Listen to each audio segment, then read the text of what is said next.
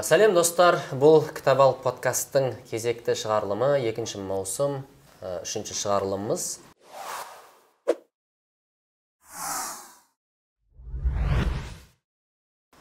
Бүгінгі тақырыбымыз кітап және кәсіп. Қайталап кетейін біздің біз кітап ал компаниясымыз біздің миссиямыз қазақстанды кітап оқитын елге айналдыру. Осы миссияның жетегінде осы подкасттар түсіріп жатырмыз. Қоғамда жастар арасында дұрыс құндылықтардың жалпы оның ішінде ең маңыздысы кітап оқу құндылығын насихаттау мақсатында осы істі жасап жатырмыз. Ә, әдеттегідей таныстыра кетейін біздің резиденттеріміз. Шыразаддин қаниязов филолог аудармашы автор кітаптың авторы. Мирас кесебаев жазушы кітаптың авторы. Ми жұмысына қатысты тренер десек те болады қазір. Мен данияр жігітбек бірнеше кітаптың авторымын кітап жазамын кітап оқимын. Қош келдіңіздер. Бүгін бізде жаңа форматта өтіп жатырмыз. Ә, көрермендермен өте қызық болып жатыр деп ойлаймын. Алдыңғы шығарылымдарды көрген болсаңыздар. Ә, бүгінгі тақырыбымыз ә, кітап және кәсіп. Жалпы біздің екінші маусымдағы ә, форматымыз ол осы қоғамдағы өзекті мәселелерді тақырыптарды кітап оқушының көзімен талдау. Бұған дейін біз ә, кітап және махаббат кітап және ақша деген тақырыптарды қозғадық. Енді кітап және кәсіп. Енді кәсіп деген сөзді осы жерде түсіндіре кетейін. Қандай кәсіп? Кәсіп деп бізде көбі бизнесті түсінеді бірақ кәсіптің ә, аясы кең. Бизнес соның бірі. Бизнес деген ол енді түсінікті кәсіп. Ол жалпы сенің ә, ризығыңды нәпақаңды табатын ісің өмірде айналысатын ісің десек те болады. Ә, бір адам өмірде бірнеше кәсіпті игере алады. Ә, орысша жақсы аударады осыны ремесло деп айтады да. Маған осы ремесло деген сөздің бір энергетикасы ұнайды. Қазақша кәсіп те аударады екен оны сөздіктен көрдік. Ә, жалпы адам өмірде бір нәрсемен айналысу керек. Жалпы бос өтпеу керек өмір. Бір нәрсені шұқылап әйтеуір бір нәрсе жасап жүру керек. Сол арқылы өзінің адал терімен адал еңбегімен ризығын табу керек. Ә, кәсіп деген сөз осы. Ә, бұның ішінде біз енді мамандық таңдау деген бар. Ә, адамның өміріндегі маңызды жылдар 20 мен 30-дың арасында немен айналысу керек? Осы тақырыптарды және басқа тақырыптарды ашуға тырысамыз. Ә, әдеттегідей мәкеңнен бастайық. Мәке енді өзіңіз ә, айтсаңыз ә, өзіңіздің жалпы кәсібіңіз немен айналыстыңыз? 20 мен сіз енді 30-ды еңсерген адамсыз. Жалпы 20 мен 30-дың арасы қалай өтті қандай кәсіптермен қандай істермен айналыстыңыз? Жалпы енді өзіңіз туралы айтсаңыз осы жылдар туралы содан бастасақ. Ой мен немен айналыспадым мен? Ыдыс жуудамын деп ана сияқты айтып содан айтсаңызшы нұрболхан айтқан секілді мен қазіргі жұмысым негізі маркетолог кітап компаниясында маркетинг бөліміне жауап беремін. Соны 2018 жылдан бері биыл бесінші жыл. Өзім бітірген мамандығым да казгуде маркетинг мамандығы. Ә, бірақ енді маркетинг маркетолог боламын деп шешкен жоқпын. Мен негізінде халықаралық қатынастарға тапсырамын деп география таңдаған болатынмын бірақ алты белгі бір балл жетпей қалды да. Сөйтіп амал жоқ географияның мамандығынан география пәнінен туындайтын бір маман таңдау керек болды. Сонымен казуге тапсырған уақытта сол жердегі қабылдаушы апай маркетинг деген қазір прикольный прикольный модный мамандық соған тапсырып көр деді да. Сонымен соған тапсыра салдым сөйтіп түсіп кеттім да. Ол кезде ешкім білмейді ғой смм деген сөздер жоқ қой ол кезде. ондай тема жоқ. Маркетинг деген өзі жаңадан ашылған кафедра екен ол кезде. Түсіп кеттік. Еще ол жерде бізде маркетинг деген сөздің өзін үшінші курста барып үйрете бастады да. Оған дейін социология деген пәндерді үйреніп жүрдім не үшін қажет екенін түсінбеймін. Бірақ енді ол жақтан тым үйренбей шықтық. Кішкене енді терминдер біліп шықтық деген секілді. Кейін жеке өз алдыма түрлі курстар оқып кітаптар оқып әртүрлі компанияларда жұмыс жасап жүріп маркетинг деген нәрсе үйрендік та.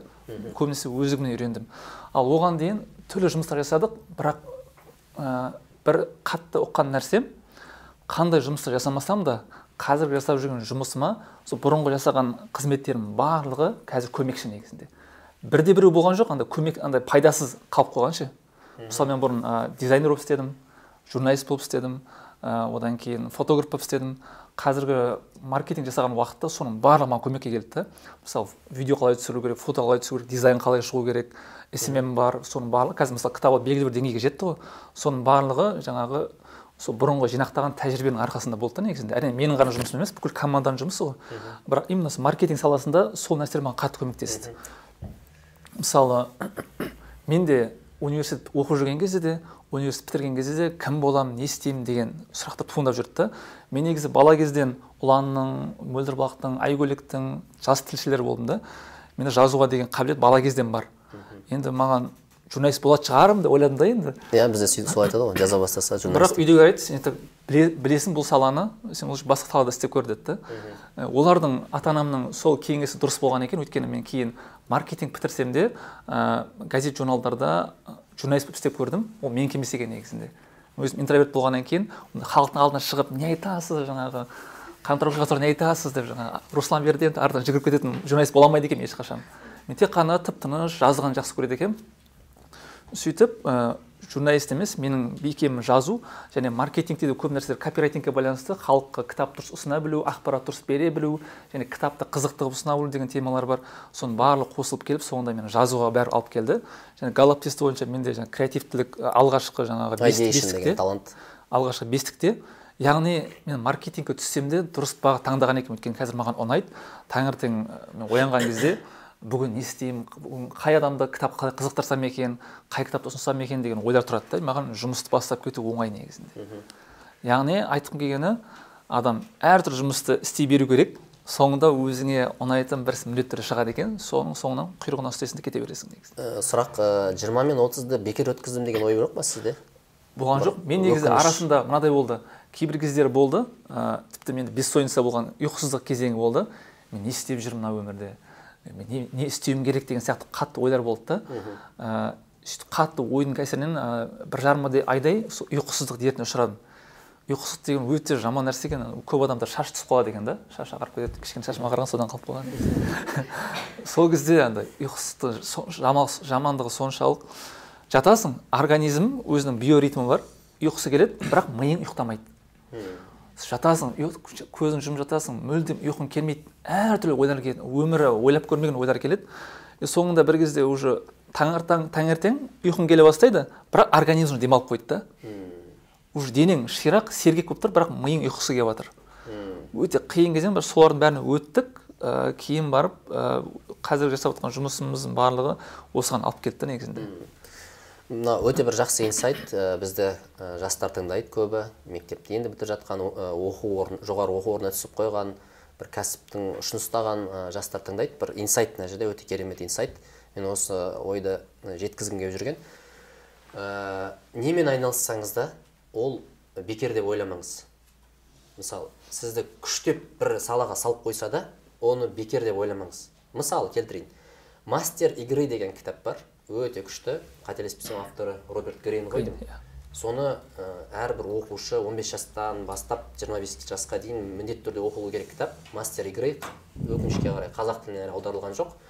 Сол кітап жалпы ә, бір ә, бір істің шебері болу жолын көрсетеді жалпы этаптарын көрсетеді. Сол жерде бір жақсы нәрсе айтылады. Қателеспесем ә, чарльз дарвин ә, чарльз дарвинді білесіздер ол енді тек қана эволюция теориясы арқылы ғана танымал емес ол кісі ә, қателеспесем ә, мен қателесуім мүмкін немесе карл лини немесе чарльз дарвин. Бірақ ә, мәні бір. Сол кісі ә, биология саласына төңкеріс жасады ғой былайша айтқанда. Класстарға бөлді тұқымдасқа бөлді. Ана былайша айтқанда менделеев кестесі сияқты биологияда жануарлардың өсімдіктердің бір кестесін жасаған адам ғой. Үлкен іс жасады. Жүйелеп берді. Сол кісі ә, біз енді биолог ретінде танығанмен ол кісі негізі кезінде математикамен айналысқан екен. Енді қараңыздар егер ә, ол кісі математикамен айналыспағанда ол биология мен математиканың синтезі ретінде мына нәрсені жасала, жасай алмас па еді. Өйткені ана жерде бәрін жүйелеу үшін математикалық білім керек. Сол сияқты мысалы мәкең айтып жатыр ә, маркетологпын деді ананы да көрген мынаны да көрген мәкеңнің басқа маркетологтан ерекшелігі осында болып тұр. Ол мынамен де мынамен де айналысқан сонда қосындысы ғой. Мысалы бір қыз болды есімде бір осындай тренингтердің бірінде мынандай сұрақ қойды. Мен медицинада жұмыс істеймін бірақ мен актриса болуды армандадым дейді да. Енді қызық ой да мынаны тастап актерлікке кету керек па? деген сияқты. Мен айтам кез келген ә, сенің істеген ісің бекер емес сен былай ойлан. Сен осыған дейін айналысқан істеріңді қосқан кезде не шығады? деп ойлан. Сол кезде сенің ешкімге ұқсамайтын бір жолың пайда болады. Мен айтамын мысалы сіз қараңыз ә, көп больницаларда адамдар нетіп жүреді. Ә, түңіліп жүреді. Сіз осы актерлық шеберлігіңізді қолданып бір креатив жасасаңыз болады ғой мысалы. Көңіл күйін көтерсеңіз болады науқастардың тағы бір ә, не бояп сырлап бір нәрсе ұйымдастыра аласыз ғой креатив бар сізде. Сол кезде сіз ешкімге ұқсамайтын дәрігер боласыз деген сияқты. Сол үшін ә, адам немен айналысса да ол бекер айналысып жатырмын деп ойламау керек. Не, мен қазір ә, шәкеңнен кейін өз өмір жолымды айтамын енді қысқаша. Осыған көзім жетті. Әсіресе бұл жастарға айтатыным өйткені мынандай ой ойлайды ғой. Бізде жалпы қоғам ретінде қателесуге қателесуді кешірмейді. Сен шешім жоғары оқу орнын таңдасаң сен бірден дұрыс оқу жоғары оқу орнын таңдауың керексің. Бірден дұрыс мамандық таңдауың керексің. Бірақ ә, мен айтар едім бұл жерде не оқысаң да немен айналыс мысалы айтады кейбіреу сммен айналысайын ба айналыспаймын ба дейді. Мынаны үйренейін ба? Үйренгім келіп тұр бірақ білмей тұрмын пайда, пайдасы бола ма болмай ма? Бірден байығысы келеді ғой. Айналысса да. Иә иә иә. Бірден нәтиже көргісі келеді. Бірақ мен айтамын сен не үйренсең де саған ол зиян болмайды. Түбі бүйтіп бүйтіп қосылып келеді да бір жақсы нәтиже береді. Шәке өзіңе сұрақ. Ә, сен жиырма бестесің ба қазір? Жиырма үште. Жиырма төртке толдым түсіріп сол паспортты өзгертіп отырсың не істейсің? Жоқ. Сен ә, енді сұрақ. Отыз отыздан асқан ә, жігіттің әңгімесін тыңдадық енді жиырма үштегі жігіттің әңгімесін тыңдайық ал енді. Кеше алдыңғы алдыңғы күні үйде біреу қағады да бір әйел кісі. Есікті ашсам үйде үлкендер бар ма дейді? Үйде әйелім мен балам отыр. Үйде үлкендер бар ма сол сияқты. Балақай мамаң шақырып жіберді ет жейсіңдер ме деген мен мәкең сияқты әртүрлі жұмыс істемедім. Мен жастайымнан оған қатты таңдадым. әлі жеті жыл бар ғой енді. Жалпы деймін. Енді ары қарай да солай өріп кетеді деген сенімдемін. Өйткені студент кезде тек сабақ бердім. Қазақ тілінен қазақ тілінен сабақ бердім қазақстан тарихтан сабақ бердім ағылшын тілінен сабақ бердім және құқықтанудан сабақ бердім. Студенттерге? Студенттерге және ұбт тапсыратындарды ент ға дайындадық ұбт ға дайындадық деген секілді. Арыста екі мың он тоғызда бомба жарылатын кезде арыста да ағылшын тілінде сабақ беріп жатқанбыз сол жақта солай бомба сабақ болды дейсің. Енді басталып жатқан сабақ тоғыздан он бір кетті ма сол кезде жарылып бастады ғой.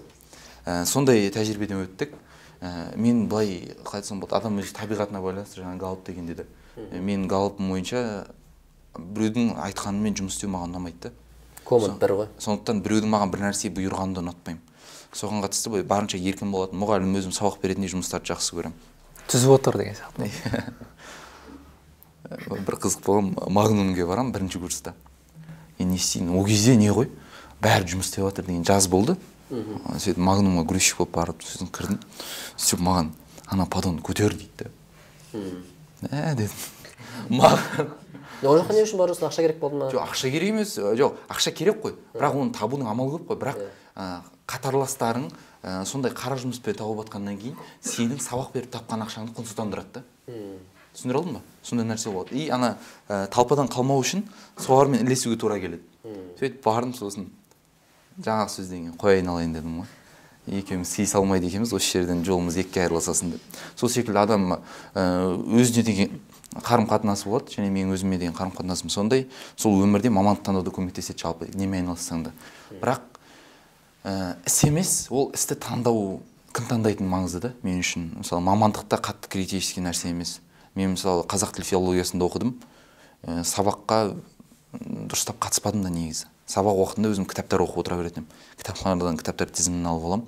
Ә, артта отырып сол кітаптарды оқи беремін. Яғни ол кітап ә, ешқандай не емес бір ә, таңба емес өмірлік жазылатын ә, мамандық. Таңба емес. Бірақ ә, мамандық қандай болса да оны ол таңдау сіздікі болған маңызды. Егер мамандығыңыз сізге келіспесе және оны таңдаған адам басқа біреу болса нағыз проблема сол кезде басталады.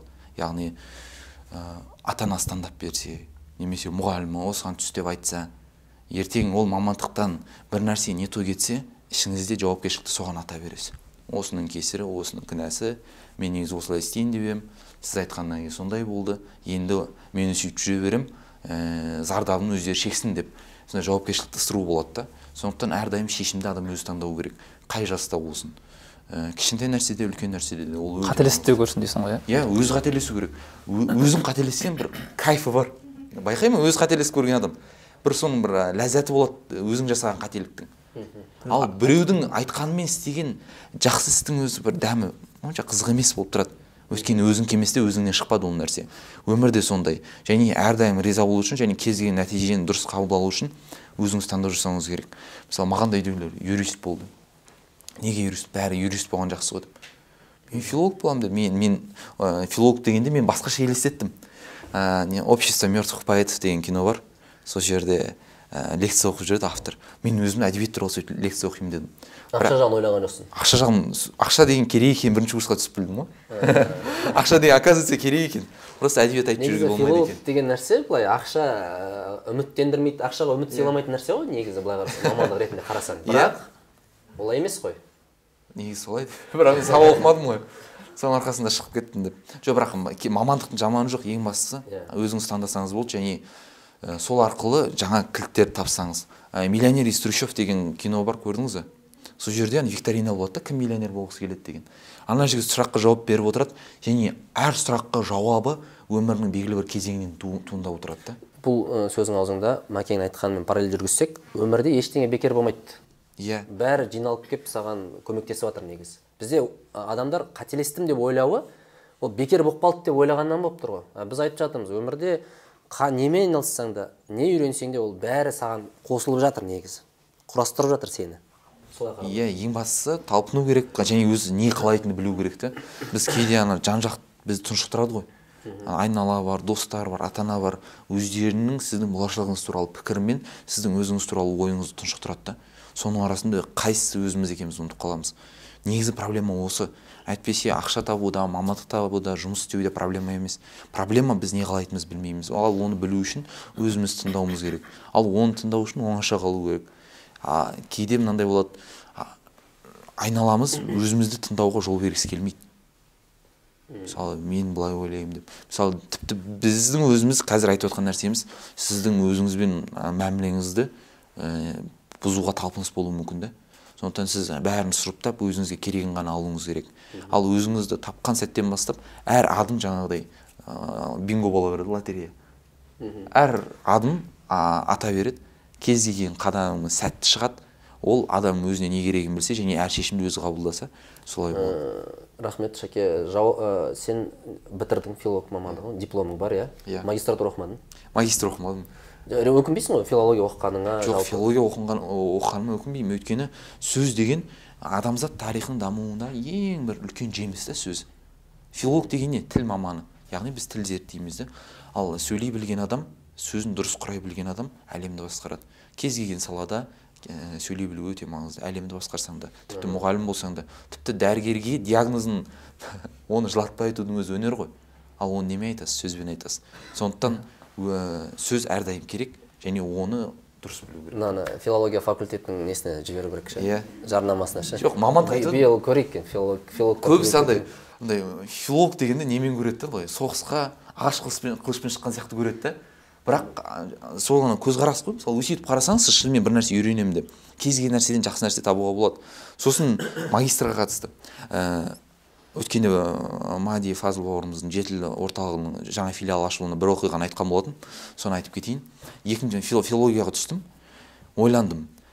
Ә, ол жердегі адамдар кітапты менен көбірек оқыған менен ертерек оқып бастаған. Мен бірінші курста ғана оқып бастадым деп өткенде айтқан болатынбыз. Енді мен болашақта бәсекеге қабілетті маман болу үшін қандай қабілетті игере аламын деп өзіме сұрақ қойдым. Сөйтіп қарадым сөйтсем филологтардың көбі қазақ тілін жақсы біледі де. Басқа тілге шор- шорқақ болады екен. Демек ағылшын тілін оқуым керек дедім. Екінші курста ағылшын тілін оқып бастадым. Оқи бердім оқи бердім оқи бердім. Ә, күнде таңертең ағылшынша грамматика оқимын және кешке кино көремін. Күнде таңертең ағылш- ағылшынша грамматика оқимын кешке кино көремін. Сөйтіп екі жыл жүрдім. Бірақ енді ә, өзім қарасай ауданында тұрғаннан кейін және қазақ тіл филологиясында оқығаннан кейін оны қолданатын сәтте түспеді бірақ мен оқи бердім. Себебі өзіме керегін білдім. Бірақ енді адам бір нәрсеге уақыт арнаса айналасындағылар уақыт көрмесе кішкене не үшін оқып жатсың не керегі бар деп ә, жігерін мұқалтуға тырысады да.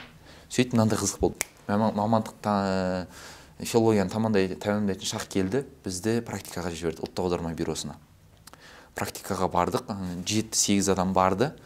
Соның арасында ә, редактор болып қатыстық кейін директорымыз аудармашы болып көресің ба деді. Қазір азаттықтағы мұхтар сеңгірбай ағамыз. Аудармашы болып көресің ба деді. Бір бір жапырақ қағаз берді алдыма ағылшын тілінде. Осыны бір аударып көр жақсы аударсаң аудармашы болып қал деді.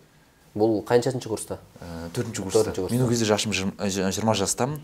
Және ұлттық аударма бюросы деген үл- үлкен мемлекеттік тапсырманы орындап жатқан ә, өте ауқымды жоба еді. Содан содан бастап аудармашы болып кеттім. Яғни сіз қазіргі жағдайыңызға разы болмасаңыз да болашақта керек қабілеттерді сонымен қатар дамыта аласыз да соның жемісін көре аласыз. Сосын бір сәт түседі. Ә, өткенде айтқандай мүмкіндікті мүйізімен қосып жұлып аласыз ғой. Сондықтан әрдайым дайындықта болыңыздар. Ең бастысы сол. Ал мамандық деген ол жай сыртқы факторлар ғана. Ал сізді айқындайтын өміріңізді айқындайтын өзіңіздің ішіңізден шыққан ә, күш энергия. Бізде ә, байқағаным мамандық деген нәрсені қатты ұлықтайтын сияқты келісесіздер ма бір ол мүмкін мүмкін, мүмкін, мүмкін біздің ата аналарымыздан келген нәрсе шығар. Сен бір нәрсені таңдасаң бітті өмір бойы сонымен айналысасың деген сияқты. Өте бір мамандық деген қатты ұлықтау бар да. Бірақ ә, мен айтар едім оны қатты ұлықтаудың керегі жоқ. Бірақ оған немқұрайлы да қарама деген екінші нәрсе бар. Ортасын ұстану керек. Ә, шәкеңнің сөзін жалғастырсам ә, жетістік деген нәрсе ол мүмкіндік пен ә, дайындықтың қатар келгені. Ол ә, мысалы филолог ретінде тек қана қазақ әдебиетін оқып қазақ тілімен шектелсе болар еді. Бірақ байқасаңыз ә, екінші курста ағылшын тілін үйренді филология кітаптар оқыды. Көп кітап оқығанның бәрінде пайдасы болды ғой. Ә, оқыды. Сөйтіп ұлттық ә, аударма бюросынан ұсыныс түсті. Мүмкіндік дайын болды ғой. Дайындық пен мүмкіндік қатар келді. Ол өзін сол жерде жақсы көрсетті. Қаражаты да жақсы болды. Яғни филолог бола тұра ең былайша айтқанда мен айтар едім жаман мамандық жоқ. Кез келген мамандықпен ақша табуға болады. Бірақ сіз ол саланы қаншалықты меңгердіңіз сол маңызды. Ә, яғни біз көбінесе жастар ә, мүмкіндік іздеп кетеміз. Мүмкіндік. Айлығы қай жерде қандай бар екен қай жерде қайсының перспективасы жақсы екен қай мамандық маған көп ақша келеді бұл мүмкіндік іздеу. А мүмкіндік күнде келіп жатады адамға. Проблема дайындық болмауда да. Сен дайын емессің. Мысалы ә, бізде кейде болады ә, біз компанияға адамдар іздейміз. Ә, былайша айтқанда ойлайсың қазір кейде бір позицияларға адам таппаймыз. Ойлайсың сонда адамдарға жұмыс керек емес па деп. Бәріне ақша керек бәріне мүмкіндік іздеп жүрген адамдар көп бірақ дайын емес та. Мынаны істей алмайды қарапайым электронды почтаны жаза алмайды қарапайым ә, бағанағыдай эссе жаза алмайды қарапайым тағы бір нәрсені білмейді. Неге дайын емес? Сол үшін мен айтар едім қандай мамандық оқысаңыз да сіз дайындық ә, барысында жүрмін деп ойлаңыз. Мысалы мәкең сияқты ананы үйрен мынаны үйрен мен дайындық жасап жатырмын мүмкіндік күнде келеді. Сол үшін сізде ешқашан сол үшін мен айтар едім ә, мамандық таңдау мәселесінде ә, бірінші бас қатыратын нәрсе өзіңіздің жеке дайындығыңыз. Енді мен өз оқиғамды айтып берейін. Ә, мен ә, журналист болуды арман, армандадым десем болады. Өйткені мен жаз, жазғаннан кейін бізде қазақта мына болды журналист болады деді сөйтіп сегізінші тоғызыншы сыныпта журналистке дайындалып жүрдім. Қазақ әдебиетін ғана оқимын қазақ тілін ғана оқимын олимпиадаларға қатысамын орындар аламын деген сияқты. Бірақ бір уақытта мынандай ой келді. Так мен ер адаммын ғой. Ә, бағанағы ой ғой енді қоғамның сіңірген ойы бар отбасының ойы бар. Мен ә, техникалық мамандық меңгеруім керек оған грант көп ә, техникалық мамандықтың айлықтары да жоғары деп сол оймен тоғызыншы сыныпта өзім шешім қабылдадым бірақ ә, өйткені менде физика математика деген сабақтарды жақсы оқитынмын. Сөйтіп сол, сол жаққа қарай ыңғайлана бастадым. Сөйтіп ә, мен негізі мұнай газ энергетика саласына барғым келді. Бірақ бағанағыдай мәкең сияқты алтын белгіге бір балл жетпей қалды.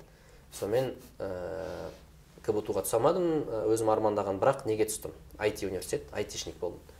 Төрт жыл оқыдым. Менде университетке түскен кезде бізде енді ол кезде инстаграм болмады. Бір жақсы жері. Ешкім миыңды ашытпайды өмірлік ісіңді ізде ләззат сыйлайтынсың ондай естімейсің ол жақта? Мен инстаграм болмағанына шүкір деймін сол кезде.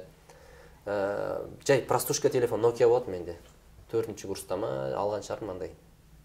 Не телефонды айфонды сонымен ә, менде мынандай болды. Төрт жыл осыны оқимын диплом аламын деген. Бірақ мақсат болды. Шешім қабылдадым болды. Төрт жыл оқыдым. Сөйтіп бұл мамандықты ә, меңгердім IT саласында. Сөйтіп ол маған бір 5-6 жыл ә, нәпақамды табу, табуыма көмектесті. Мен өкінбеймін бұл салада жүргенім. Өйткені қараңыздар ә, біз кез келген мамандықты бізде кішкене мынандай бар да ә, біздің миымызды білмеймін кім ашытып жатқанын бірақ еңбек ету құндылығы бір нәрсені үйреніп соны істеп сосын ақша алу деген құндылық бізде жойылып бара жатыр андай мысалы мен ләззаттанып ә, жұмыс істеймін деген адамның ол жақсы ой негізі бірақ артында мынандай ой жатады. Қиналмай деген ой жатады да. Еңбектенбей деген жата, жатуы мүмкін. Жалқаулықтың дауысы шығып жатады. Олай болмайды ғой. Сен бәрі де ә, бір күш салуың керексің еңбек етуің керексің өзіңе ұнайтын істің өзінде дисциплина керек тұрақтылық керек деген сияқты. Сол үшін бізде еңбек ету құндылығы насихатталу керек. Енді сөйтіп мен ә, оқыдым айтида ә, маған ә, көп пайдасын берді. Содан кейін ә, қосымша маған жазу ұнайтын. Сосын қосымша копирайтингпен айналыса бастадым. То есть айтайын дегенім өмірде ештеңе бекер болмайды. Айти қайда копирайтинг қайда былай қарасаң. Бірақ саған ұнай ма? Саған ә, бағанағыдай бір ақша алып келе ма? мүмкін ұнамаса да бірақ ақша әкеле ма? бірақ сол істі бір белгілі бір деңгейде жақсы істеуге ұмтылу керек. Мысалы сөйтіп былай қарасам менің қазіргі жазу стилім IT-дің әсері өте қатты. Бізде IT-да алгоритмдер өттік ә, бағанағыдай түрлі ә, дата структуралар бар неше түрлі нәрселер бар. Яғни менің жазу стилім басқа IT оқымаған жазушыға қарағанда басқаша болады. Түсіндіре алдым ба яғни ә, IT оқыған жазушы мен IT-де істемеген адам жазушының екеуінің стильдері бөлек болады. Бағанағы әңгіме. Өмірде айналысқан нәрсе ештеңе бекер емес бәрі ә, бір нені құрайды сөйтіп сіздің тұлғаңызды сосын ә, бір айта кететін нәрсе ә, мамандық деген нәрсеге келген кезде ә, мысалы өткен жолы бір ә, америкада оқыған бір ә, данияр деген бауырымыз бар. Отбасымен бірге оқыды америкада. Ә, данияр юса деген білесіздер ма күнделік юса деген. Сол кісілер отбасымен оқыды. Сол кісімен кездесіп сөйлесіп отырсақ ол айтады енді ана жерде отбасыңды асырау керек оқудан бөлек бір нәрсе табу керек дейді да сөйтіп не істейміз дейді. Америкада жүрді. Америкада пицца тасимыз таксовать етеміз сөйтіп нәпақамызды тауып жүрміз дейді. Бірақ украиндық орыста украиндар бар орыстар бар. Олар сантехниканы біледі екен. Ол сантехника америкада қымбат екен. Көп ақшасы көп екен. Сосын айтады да мә қазақстанда жүріп сантехника үйреніп алу керек еді. Осындайда пицца тасып жүргенше оданша біреудің кранын бір бес минутта он минутта жөндеп сол ақшаны алатын едім дейді. Сол үшін мен кейде ойлаймын анау мен үйде бұзылады ғой енді біз жер үйде тұрамыз. Мә мынаны жөндейтін қазақтар келмейді да сантехниканы ше. Бізде менсінбейді ғой ана жұмысты. Бірақ егер есептеп қарасам кәдімгідей қиналмай алты жүз жеті жүз мың теңге тауып болады ана жұмыспен. Сосын мен бір ойым мә сантехниканы үйреніп алайын ба деген бір ой келді да. Өйткені ә, біз қараңыздар кез келген іске ремесло деген сөз бар да бір кәсіп. Сенің жейтін тамағыңды отбасыңды асырайтын ақшаны әкелетін жұм, кез келген жұмыс сүйкімді жақсы. Әшейін сантехник болсаң да күшті да ол. Не жас кезде мынандай мәселе бар да егер біреуде бір нәрсе жақсы болып жатса демек менде бір нәрсе не то деген. Содан шығады негізі мамандықтың проблемасы жұмысты жақсы көрмеу өзі таңдаған жұмысты ұнатпау деген сияқты. Яғни біреу шалқып жүрсе мен шалқымай жүрсем демек мен істеп жүргенім қате деген түсінік бар да. Бірақ ол олай емес ана басқаның нәтижесі емес сіздің нәтиже былай таразының екі ұшы емес та олар екі параллельде жатыр. Сондықтан бір біріне байланысты да емес. Ал біз көбінесе ә, мен осылай жүрсем анау бүйтіп жүрсе демек менікі дұрыс емес деп ойлап сөйтіп мамандығынан ісінен жұмыстан жалпы жұмыстан жериді да сөйтіп жеңіл жолды іздейді. Бірақ бағана айтқандай ана кімнің жалаңаш жүзіп жүргенін су тартылғанда білесің дейді да яғни бәрі жақсы кезде су толып тұрған кезде бәрі әдемі көрінуі мүмкін. Бірақ шынымен кім нағыз маман кім өзінің мамандығын жақсы біледі кім хас шебер ә, кішкене экономикалық бір тұрақсыздық байқалады ғой. Сол кезде уже бәрінің беті шешіледі. Yeah. Иә. айқындалады. Сондықтан алған беттен таймау керек та ә, сол үшін ә, бізде әрине үлкен мақсаттар қою керек бірақ ә, кәсіп деген сөздің мағынасы ол өзіңді жақындарыңды отбасыңды асырайтын кез келген бір ә, іс та. Мысалы шаштараз жақсы кәсіп. Ә, повар аспаз мысалы бізде ә, есектің артын жуу деп абай сияқты. Иә мысалы бізде ә, көп істер бар да андай мысалы ауыл шаруашылығына қатысты істер. Көп оқушылар мен ойлаймын мүмкін оқушыларды оныншы он бірінші сынып кезінде былай нелерге апару керек шығар заводтарға апару керек кәсіпорындарға апару керек. Өйткені оқушыда білмейді да не екенін. Оқушы түгіл оны студенттердің өзі бармайды қазір практикаға ше? Иә. Мысалы мынандай ой болды да кейбір адамдар бақытты негізі. Кішкентай кезден олар кім болатынын біледі ше негізінде. Мысалы менің ағам хирург бала кезден құрбақаны ұстап алып жаңағы терісін неғылып шегірткенің аяғын жұлып мынау осындай бұлшық ет мынау осындай тамыр ол бала кезден мықты білетіні ана құрбақаны бүйтіп жаңағы аяқтарын терісін жұлып бірақ жүрегін соқтыра маған көрсететін да. Ана жүректі өлтірмей маған ашып көрсететін да сол жерде тірі бақаны ше. Қазір адамдар сөйтеді қазір адам баласы ол бала кезінде сондай болатын. Ол шынымен жаңағы асфендиярдта оқыды одан кейін жаңағы колледжде неде оқыды. Ә, және ол мысалы асфендиярдта хирургияны оқығанмен колледжде ол бағанағы нені оқыды да фармацевтиканы оқыды.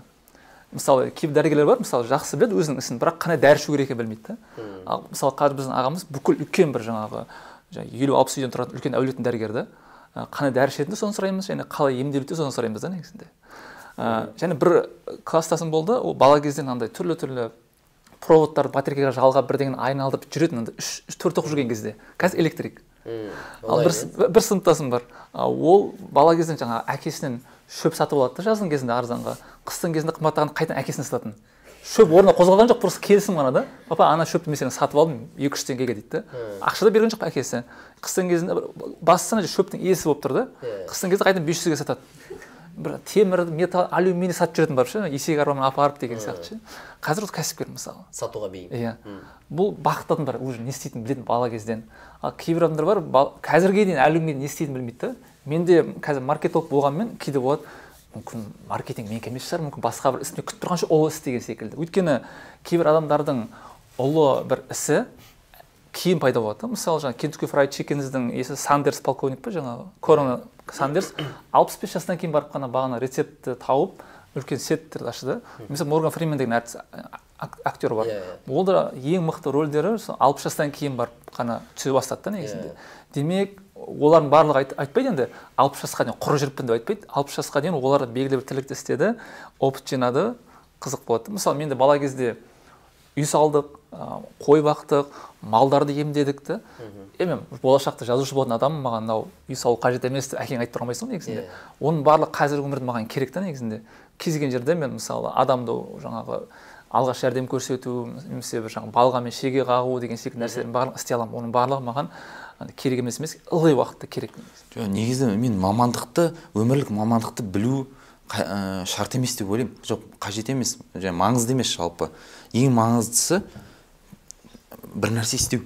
Хард скилл топ ә, жаңағы софт скилл білу ғой негізінде. Жоқ ол не ғой бір нәрсе істеу керек та іздеу керек. Бәлкім менікі осы шығар деп. Ал білу білмеу мысалы ә, мен де білмеймін. Жалпы білетін адам бар деп ойламаймын. Өйткені ә, осы сенің өмірлік мамандығың деп бізге сигнал берілмейді ешқайда иә оны білсең де өмір қызық емес. Мен кейде әзілдеп айтамын ә, бір жігіттер келіп сұрайды.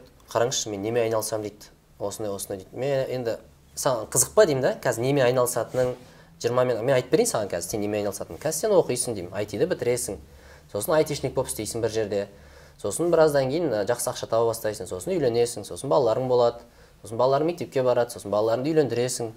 Сөйтсін сен бір руководитель отдела боласың бір нәрсе боласың сосын пенсияға шығасың сосын қайтыс боласың. Қызық па саған осыны айтып берсем. Вау деген жоқ. Жоқ қызық та біз соның бәрін білуге ұмтыламыз алдын ала асығамыз. Бірақ саған примерно айтып берсем қызық емес та уже. Карта сызып тастады иә қызық оданша шәкең айтпақшы? Білмеген қызық қой не күтетінін сені. Аласың да сен мына көріп тұрған ісіңді істей бересің. Ары қарай көреміз. Ә, сен жолға шық жол өзі апарады дейді ғой. Бірақ бір нәрсені білу керек. Ол білетін нәрсе мен бүгін күнім өтті бүгін күнімде барымды салдым бұдан артық бере алмайтын едім. Бұл осы күннен қандай нәтиже алсам да қалғанын аллаға тапсырдым деген. Сондай сезіммен жат, жату керек та ұйқыға. Ал ана уайым қайғы деген неден шығады? Адам өзінің қолынан келетін белгілі бір деңгейді біледі және сол деңгейге лайық еңбек етіп жатқан жоқ екенін де біледі да соның арасында алшақтық бар яғни ә, сіздің потенциалыңыз мынандай бірақ сіз істейтін жұмыс көлемі мынандай арасында алшақтық бар да. Осы жүрекке жүк болады. Ал уайым мен не стресс осыдан шығады? Может ә, не шығар мүмкін ә, адамның қинайтын нәрсесі ол әрекетсіздігі шығар. Иә әрекетсіздігі а, Көбірек неге қатысты әрекетсіз? Жалпы әрекетсіз емес. Өзінің потенциалының алдында әрекетсіздігі. Яғни ә, мысалы мен марсқа ұшпадым деп стресске түспеймін ғой. Мен әркім өз деңгейінде көлемінде әрекет етпегені үшін стресске түседі да яғни өзінің шамасына қарай. Қолынан келетін істің белгілі бір деңгейі бар бірақ оны елу пайызға ғана істейді. Сол нәрсе стресске түсіреді. Кейін бірақ оны ойламайды да ол стрессті мамандығынан отбасынан әйелінен шығарады. Яғни мен осы жерден қателескен шығармын. Мен осы мамандықта қателескен шығармын. Мен осы жарым таңдағанда қателескен шығармын дейді да бірақ бәлкім мен күн сайын барымды салып жатқан жоқ шығармын деген соңғы ғана инстанция болады да ондай пікір. Иә осы жерде ә, шешім қабылдау туралы айта кету керек. Жалпы өмірдегі дұрыс шешім қабылдағыларыңыз келеді ғой әрқайсыларыңыз. Шешім қабылдау деген нәрсені былай түсіну керек. Шешім қабылдау ешқашан ә, дұрыс шешім қабылдау ешқашан абсолют болмайды. Былай мәңгі болмайды да. Шешім қабылдау тек қана белгілі бір уақыт дұрыс шешім қабылдау тек қана белгілі бір уақытпен ғана шектеледі. Мысалы сіз көшеге бүгін шығайын деп жатсыз ә, енді бір жаңбыр жауайын деп тұрған сияқты. Сосын ә, айфонды ашып қалдыңыз айфонда айтып тұр ә, бүгін жаңбыр 40 процент ықтималдығы деп. Сосын сіз алдыңыз да енді жаңбыр жауып кетуі мүмкін үстім су болып қалуы мүмкін бүгін маңызды подкаст бар еді деп ә, ең дұрыс шешім қолшатыр алдыңыз иә? Сөйтіп шықтыңыз да сөйтсеңіз ә, сіз қаланың басқа жағына бардыңыз ол жақта жаңбыр жаумады дейік. Сонымен сіз күні бойы қол шатырды өзіңізбен арқалап былай қолыңызда ұстап жүрдіңіз. Сөйтіп сіз айтсаңыз бүйтіп мә қол шатыр алғаным дұрыс емес шешім болыпты десеңіз дұрыс емес. Неге? Өйткені сіз ә, үйден шығатын кездегі кезде шешім қабылдайтын уақыт деген болады да. Сол кездегі ең дұрыс шешімді қабылдадыңыз. Сол үшін өзіңізді ә, өтіп кеткеннен кейін кінәлауға болмайды да. Түсіндіре алдым ба? Яғни ә, бұл жерде сондай нәрсе мамандық таңдау да сондай. Мысалы мен өзімнің ә, немен жиырмадан кейін жиырма бесте қазір осылай отыратынымды мен 18 жасымда білген жоқпын. Осыны осы істермен айналысатынмын. Бірақ менің 18 жасымдағы мамандық таңдау алдындағы бүкіл зерттеулерім ә, ізденісім соның нәтижесінде мен IT-ға түсем деген шешімім дұрыс болды. Түсіндіре алдым ба? Егер мен қазір қазір тұрып айтсам дұрыс емес та мысалы? Мә менің ыыы он сегіз жасымда айтиға түспеуім керек еді білмеймін филология түсуім керек еді деген сияқты ой айтсам қазір дұрыс емес қой. Өйткені біз білмейміз ғой не болатынын. Сол үшін өзіңізді артық қинамау үшін шешім әрқашан ол уақытпен шектелген болады. Және сол уақыттағы ең дұрыс шешімді қабылдасаңыз болды. Өмірде байқасаңыз ең маңызды шешімдердің дұрыс дұрыс емес екенін көп уақыттан кейін ғана белгілі болады. Ал ана ұбт тест ыстық су су су деген бірден білесіз да оны. Ал бірақ шынымен маңызды шешімдер ол кейін ғана білесіз бес он жылдан кейін ғана. Мысалы мамандығым дұрыс па ә, дұрыс адамды таңдадым ба деген секілді нәрселер бес он жылдан кейін ғана белгілі болады да. Мен кеше ғана бір бала сұрады сол немен айналысамын? деп ше какой то подкаст сұрап біліп жатқан адам сияқты. Мен айтамын да оған арнайы дайын жауабым бар. Ә, сен қазірден бастап бір мамандық оқып жатсаң сол мамандығыңа байланысты компанияларға практика барып көр деймін да. Мысалы сату ма кока колаға барып көр пепсиге барып көр сол жақта істеп көр. Сол жердегі немесе сен әлі оқушы болсаң ә, бірақ сен мысалы айтишник болатын болсаң айтишник бір адамның қасына бір күн жұмысына барып көрдің да ол не істеп жатыр. Саған әдемі көрінуі мүмкін айтишник ақшасы көп деген секілді. Бірақ сен шынайы программисттің жазып жатқан кодына қарап ана жерде ішің пысатын болса демек ол сенікі емес деген секілді. Иә. әрқайсысын істеп көр істеп көру арқылы сен біле аласың. Одан кейін бағанағыдай мысалы бізде жаңағы психотипті анықтайтын икемділікті анықтайтын жаңағы тесттер бар ғой жаңағы галлап тесті бар немесе басқа тесттер бар. Сол тесттерді тапсыру арқылы өзінің қай істерге бейім екенін анықта сол мамандықтармен мамандық иелерімен тағы да барып сөйлесіп көр деймін. Сөйлесіп көр қасына бір күн жұмыс жасап көр немесе содан бір тапсырма алып істеп көр деймін да. Соңында сенде өзіңе ұнайтын бір іс шығады. Және сен қазір жасың жиырмада болса сен әлі ә, немен айналысамын деген асықпа сен әртүрлі жұмысты істеп көр сонда бір іс шығады деп жатырмын да мен оған. Ә, мен өзім бір ең ұтқан нәрсем мысалы мына важные годы деген осы тақырып көбірек келеді ғой. Yeah. Иә. соның ішіндегі жаңағы ұсақ байланыстардың күші деген нәрсе қатты ұнады да. Менің өмірімді көп жеңілдеткен нәрсе ә, жұмыс іздеу болсын мамандық таңдау болсын мамандық іздеу болсын соның барлығында осы нәрсе көмектесті. Нетворкинг қой? Иә. Ол мысалы мысалы мен сені жақсы танимын. Бірақ мысалы мысалы жақсы танымаймын. Бірақ мен оның жаңағы мебель жасаумен айналысатынын білдім. Нөмірін алып қалдым да. И ертең маған нұрбақыт шығады да үйге мебель жасату керек еді деймін да. Мен айтамын ардақ деген кеше жігітпен танысқанмын мен саған соның нөмірін берейін дейді да екеуі мәселесі тез шешіле қалады негізінде yeah. бұл маған көп көмектесті. Мен адамдармен просто әңгімелесесің мен мысалы маркетинг зерттеп жатырмын сммен айналысып жатырмын деп бір адамға айтып қаласың ол өзінің басқа танысына сені ұсынады да. Кеше осындай бір жігітпен таныстым жақсы біледі екен сөйлесіп көр деп. Солай бір бірін жақсы танымайтын адамның арасындағы мәселелер тез шешіледі негізінде. Ол өте керемет нәрсе тіпті ойламайсың. Бұл деген нәрсе мынау қалай айтсам рухани әлемге бір запрос жіберіп қойды да негізінде ше. Өзінің бір резюмені жіберіп қойды да. Мен осындай осындай қабілеттерге ие адаммын. Осыған қатысты жұмыстар шығып жатса мені ұмытып кетпе деген сияқты. Ана теория пяти рукопожатий деген естігенсіздер ма? Яғни кез келген адам бес адам арқылы кез келген адаммен таныс деген. Иә. Мысалы қазір бес адамды ортаға салу арқылы байденге жетуге болады деген мысалы байден демекші десең. Мысалы былай ғой иә теория. Кез келген адаммен ә, мысалы шыраз ә, қайрат жолдыбайұлымен амандасқан қол алысып. Қайрат жолдыбайұлы қасым жомарт қасым жомарт тоқаевпен қол алысқан шығар енді. Қайрат жолдыбайұлы. Қасым жомарт енді ә, Байденге шықты. тоқаев Байден. президентіміз ол байденмен қол алысқан шығар көрдіңіз ба қалай? Кез келген адаммен арасында ары кетсе алты қол алысу дейді. Да Ә, мынау кітапты ә, міндетті түрде оқу керек деп ойлаймын. Біз осы тақырыпты ашып көрейік. Ә, важные годы деген маңызды жылдар 20 мен 30-тың арасында немен айналысу керек? Ә, осы кітап бар. Сосын бағана айтылған мастер игры деген кітап бар. Ә, өте күшті кітаптар. Бұны жас кезде оқу керек деп ойлаймын. Ә, мынандай сұрақ мәке. Ә, бағана ұсақ байланыстардың күші дедіңіз тағы да жалпы біз айттық ә, мамандық бұл өмірдегі маңызды нәрселердің бірі емес бірақ немқұрайлы қарайтын нәрсе де емес дедік. Ортасын ұстау керек. 20 мен 30-дың арасында енді әркімнің жолы әртүрлі. Ә, жалпы мынандай нәрсе түсінік бар ғой бағыт деген түсінік бар. Нені бағыт етіп алу керек? Бағытты алсаң ә, сол кезде қателеспеу ә, ықтималдығы жоғары болады. Дұрыс бағыт таңдасаң. Дұрыс ә, бір істі та- таңдау деген қиындау өйткені көп белгісіздік бар.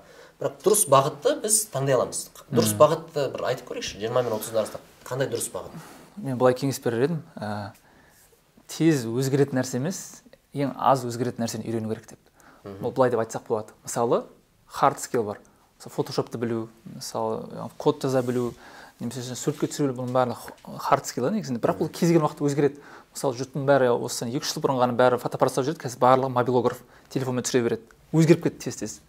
Ал софт скиллздар яғни адаммен дұрыс сөйлесе білу қарым қатынас құра білу нетворкинг құра білу адаммен жаңағыдай ә, көңілін таба білу оған қызықты тақырыпта сөйлесе білу деген секілді адамдардың контактісін жинай білу деген секілді осындай икемді қабілеттер бар. Осы қабілеттер меңгерген адам статистика бойынша өмірде ана хард скиллсі жақсы меңгерген адамдардан гөрі көбірек жетістікке жетеді екен. өйткені көп жерде коммуникация деген көп мәселені шеше кетеді сен мысалы бір істі жақсы білетін адаммен оңай сөйлесу арқылы мысалы онымен тез келісімге келе аласың. Сол үшін бірінші осы софт скиллздарды меңгеру керек деп ойлаймын адам. Ал хард скиллзді енді кез келген уақытта меңгеру- меңгеруге болады. Иә. бұл енді мысалы жаңағы гладуэл болу керек малком гладуэл дейміз ғой иә? Әр істің маманы болу үшін яғни эксперт деңгейге жету үшін он мың сағат үйрену керек дейді гений аутсайдер Иә. деген кітап. он мың сағат дегеніңіз ол деген ә, бір кемінде бір бес жыл жұмыс жасау да. Күні бойы ше. Күні бойы бес жыл бойы жұмыс жасау. Адам оған да уақыт жоқ қой бізде негізінде. Бес жыл бойы жұмыс жасау. Керісінше бес жыл бойы сен үйленіп бала шаға болып кетесің ғой негізінде. Ал бұл бірақ тек қана эксперт деңгейі ғана да. Ал жұрт біз бәріміз бір істен эксперт болу міндетті емеспіз ғой негізінде. Бізге ә, кеше де тед выступление бар ғой сол жерде бір кісі айтады бұл он мың сағат деген адамдардың санасына кіріп кеткен соншалық егер мен жаңағы мобилографияны үйренгім келсе де он мың сағат керек екен деп ойлайды дейді. Ал бұл кісі сол стереотипті құртады адамға бір нәрсені үйрену үшін алғашқы жиырма сағат толығымен жеткілікті дейді. Жиырма сағат дегеніңіз мысалы күн сайын жарты сағаттан қырық күнде орындау да қырық күн қайталау жарты сағаттан. Базасын үйрену ол ғой тіптен ағылшын тілінің өзін уже сен еркін орташа деңгейде сөйлеуге үйренуге жеткілікті жиырма сағаттың өзі ше. Егер жиырма сағаттың ішінде бағана телефон шұқылап кетіп ойың басқа назарға бөлініп кетіп фокусқа жарнама десей фокусың басқа жаққа шашырап кетпесе жиырма сағаттың ішінде біраз деңгейге жетуге болады тіптен ана жонглирование жасауға да болады да жиырма сағаттың ішінде. Демек ә, менің ойым адам бірінші алғашқы бір екі жылын бағанағы софт скиллздерді үйренуге барын жұмсау керек. Мысалы біз үшеуміз интровертпіз да бір адамдармен еркін сөйлесеміз уже надандық ұятын жеңгенбіз мысалы пәленшемен амандасып не жұмыс жасайтынын қандай қабілеттері бар екенін сұрауға ұялмаймыз мысалы. Егер біз интровертпіз біз сөйлеуге ұяламыз ең жақсы собеседник мен өзім деп өзімізбен өзіміз отыра берсек қалып қоятын едік та негізінде осы жігіттермен сөйлеспейтін мен және кітап деп па иә.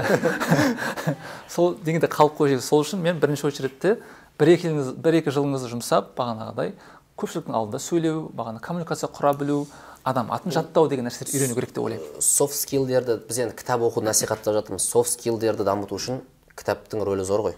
Иә, өйткені сен оны өзі сөздік кітаптан үйренуге болады. иә. Мысалы кімнің дейл карнегидің қаншама кітабы бар. Мысалы шешен сөйлеу ә, одан кейін адамдардың жа- дұрыс қарым қатынас құра білу дос табу деген секілді. Жоқ кітап деген ортақ тақырып аясын кеңейтеді ғой. Иә. Мысалы кітап оқыған сайын мысалы осы жерде отырған кісілер қазір бірінші әңгімені бастаса кітаптан бастайды. Қандай кітап оқып иә сосын бір ортақ кітап шығады. Сөйтіп бір байланыс құралы болады да. Стивен кинг десе жас қош бол. Жоқ неде? Жаңа айтты ғой сіз фокусты оқымағансыз ғой негізі. Ішінде жаңағы он мың сағатқа қатысты бір бөлім бар еді. Ә, былай висконсин университеттер университетінің ғалымдары зерттеу жасайды да. Сол кезде он мың сағат жұмсап та түк үйренбеген адамдардың мысалын келтіреді. Гольф ол гольфті келтіреді яғни он мың бес, бес жыл бойы гольф ойнап үйренген өз бетімен. Бірақ сонда да қате ұрады да. Сондықтан он мың сағат өзің тырысқанша ә, сол істің маманы болған бір менторды тауып жолды қысқартуға болады төте жолдан кесуге болады. О өзімді мысалы мен, мен бала кезден футболды қалай ойнасам әлі күнге дәл солай ойнаймын да. Хотя апта сайын футбол ойнаймын мысалы. Он мың сағат жиналды ғой иә? Он сағат асып кетті ғой. Отыз жыл бойы тәжірибе бар, бірақ әлі өзгерген жоқ та бала кездегіден ше. Әлі доп воротаға кірмейді ше егер сондықтан иә, білеміз иә шынымен воротаға кірмейді. Иә сонымен ә, сондықтан сізге бір нәрсе ұнаса сол істің маманымен ақылдасқан көп мәселені шешеді да кейде мен де ә, басында былай болатын бір нәрсеге қызығамын ғой. Үйренгім кеп ә, мен өзім ұялшақпын интровертпін да ұялшақпын және интровертпін сосын біреумен бір ә, бір нәрсе сұрауға ұяламын сұрағанша осыдан төрт бес кітапты оқып алайыншы деймін да сөйтіп төрт бес кітап сатып аламын оқып аламын. Сосын сосын оқып бір нәрсе түсінемін. Ол арада төрт бес ай кетеді кейін сол іспен айналысып жүрген бір кісіге барып айтсам ей бүйте салмадың ба сөйтсем шынымен солай шешіледі да мәселе. Сондықтан кейде тек керек адаммен барып сұхбаттасқанның өзі бір кітап сияқты пайда алып келеді бірақ бұл ә, кітап оқыма деген білдірмейді Иә. өйткені ә, мысалы мен байқаймын ә, бақытжан бұхарбай мен ә, бұхарбайды білесіздер. Сол кісімен сөйлесейін десем кейде кейбір тақырыпта мен түсінемін да мә мен саяси тақырыпта кітап оқымаған екенмін да онша оқымайды екенмін. Сөйтіп оның әңгімесіне ілесе алмаймын мысалы үшін. Демек бағанағыдай ә, аясын кеңейтеді дедік қой. Сіз әр саладан кітап оқысаңыз ойлаңыз сіздің ол саладан айтарыңыз болады. Ал айтарыңыз болғандықтан сіз онымен контакт орната аласыз нетворкинг болады. Осы жерде ә, бағана формулаңыз қандай дедіңіз? Ә, ескірмейтін бір, бір нәрсе не үйрен дедіңіз басында айттыңыз тез өзгермейтін қабілеттер үйрену. тез өзгер ескірмейтін дейікші ескірмейтін қабілет.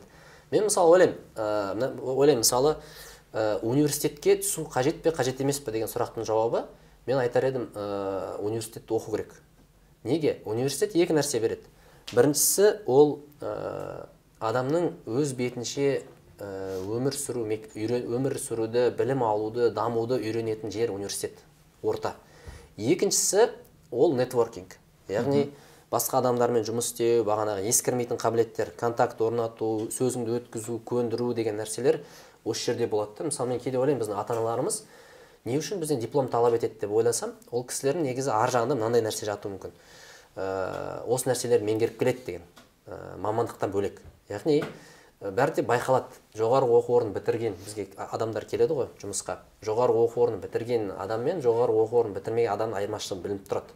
Жоғары оқу орнында сен қаласаң да қаламасаң сені оқытқызады. Енді дұрыс университетті айтып жатырмын саған бір презентация жасатқызады ізденгізеді. Сту- студент деген өзі ізденуші деген сөз. Сөйтіп сен бәрі де бір өзгеріс бір тұлға боласың да. Сол үшін ә, университеттің осы екі функциясын ұмытпау керек та. Ол сен өздігінше дамуды үйретеді ол жер. Сосын ә, нетворкинг адамдармен қарым қатынас құру. Осы тақырыпта кітаптар оқу керек деп ойлаймын. Ә, және әлемге ашық болу керек. Ә, бұл нәрселер ешқашан ескірмейді. Ә, сол. Үшінші пайдасы бар ғой университетке барудың. Университет диплом деген демек сіз белгілі бір нәтиже алу үшін төрт жыл бойы бір нәрсені тұрақты істей алдыңыз деген. Тұрақтылыққа иә үйретеді университет. тұрақты істей алдыңыз деген. Яғни жұмыс беруші ә, сізді мысалы қабылдайтын кезде тым болмаса төрт жыл бойы ә, күнде таңертең бір нәрсеге бір жерге келіп үйренген. Хотя бы жұмысқа кешікпейді. Оның өзі жақсы да. И бір күн бар ертең телефонын алмайды жоқ болып кетеді деген ықтималдық азаяды да. Иә. Со- сондай тәртіпті арттырады. Сосын ана жас кезде үйрену керек. Ана бірнеше машықтар болады ғой навыктар. Ә, біріншісі ойлану. Дұрыс ойланып үйрену керек. Шынымен критикалық ойлану. Критика деген андай ә, бүкіл нәрседен бір жамандық іздеу емес саралай білу да. Екіншісі ә, жаза алу. Үшіншісі сөйлей алу. Осы үш қабілет адам өмірін ә, кез келген бағытта алып шығады және жеміс береді. Өйткені осыған үйренуді үйренуді үйренуді қосу керек иә үйреніп үйрену міндетті түрде. Енді ойланып үйренсе сондай кітап бар. Үйренуді үйрену аударылды ма? Ә, барбара оклидің кітабы осыған ұқсас. Иә. думай как математик деген кітап бар. Қазақшаға аударылды ма? Ол кісі өзі филолог. Иә. Яғни гуманитарлық мамандық бітірген бірақ келіп математиканы қалай үйрену туралы кітап жазған да керемет иә иә. Қазақша жоқ ау деймін қазақша әлі жоқ бірақ сол кітапты да міндетті түрде оқу керек деп ойлаймын. Иә, сол. Э, жас кезде өйткені үйренуді үйреніп алсаң күшті емес па кез келген нәрсені өз бетінше үйрене бересің. Негізі бізде қазір ә, оралып упаковать етіп, ә, етіп сатып жатқан көп нәрсенің бәрі ғаламторда толып тұр. Тек оны сізге біреу жинап беру үшін және ә, толып тұрған ақпараттың ішінде ә, нақтысын және сенімдісін сұрыптап берген үшін ғана ақша төлейсіз да ал оны өзіңіз сұрыптап ала алсаңыз ойлаңызшы қанша уақыт үнемдейсіз қаншама энергияңыз үнемделеді. Сондықтан жаңағы сөйлеу өте маңызды. Жазу адам қалай жазса солай ойлайды. Кейде бір кісілер бар. Сосын жазу мәдениетін үйрену керек. Бұл өте маңызды. Инстаграмға ассалаумағалейкум деп жазып жібереді күтіп тұрады. Ол жазған адамның ойынша мен уағалейкум ассалам деуім керек. Сосын хал жағдай сұрасуымыз керек. Сосын ол маған мәселесін айтады сосын мен жауап беремін да. Саған қайта ғой саған қайта? Кейбіреулер қанша дей салады бірден?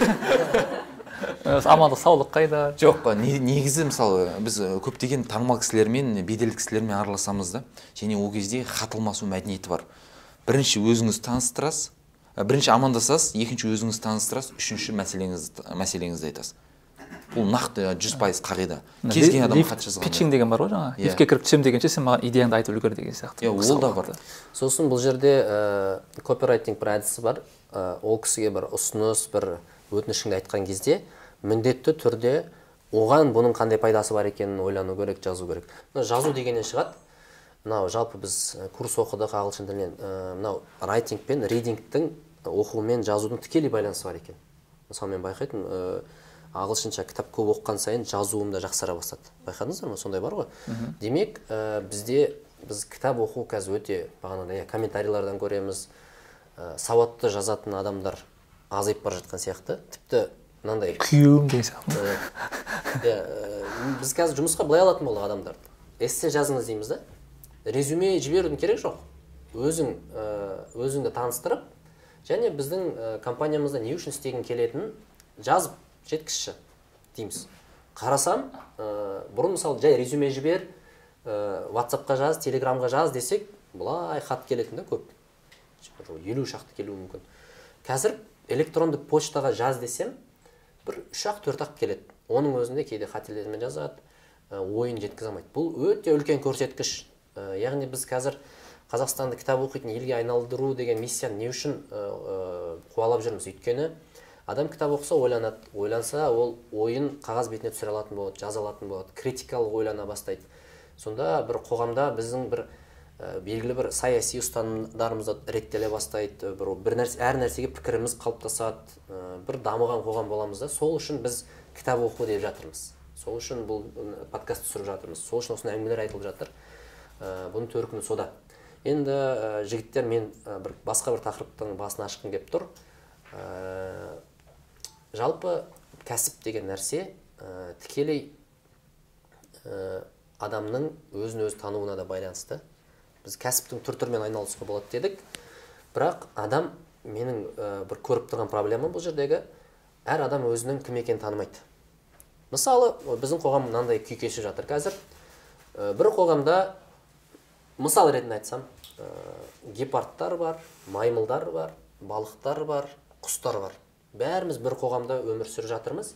Әрқайсымыздың өз функциямыз бар.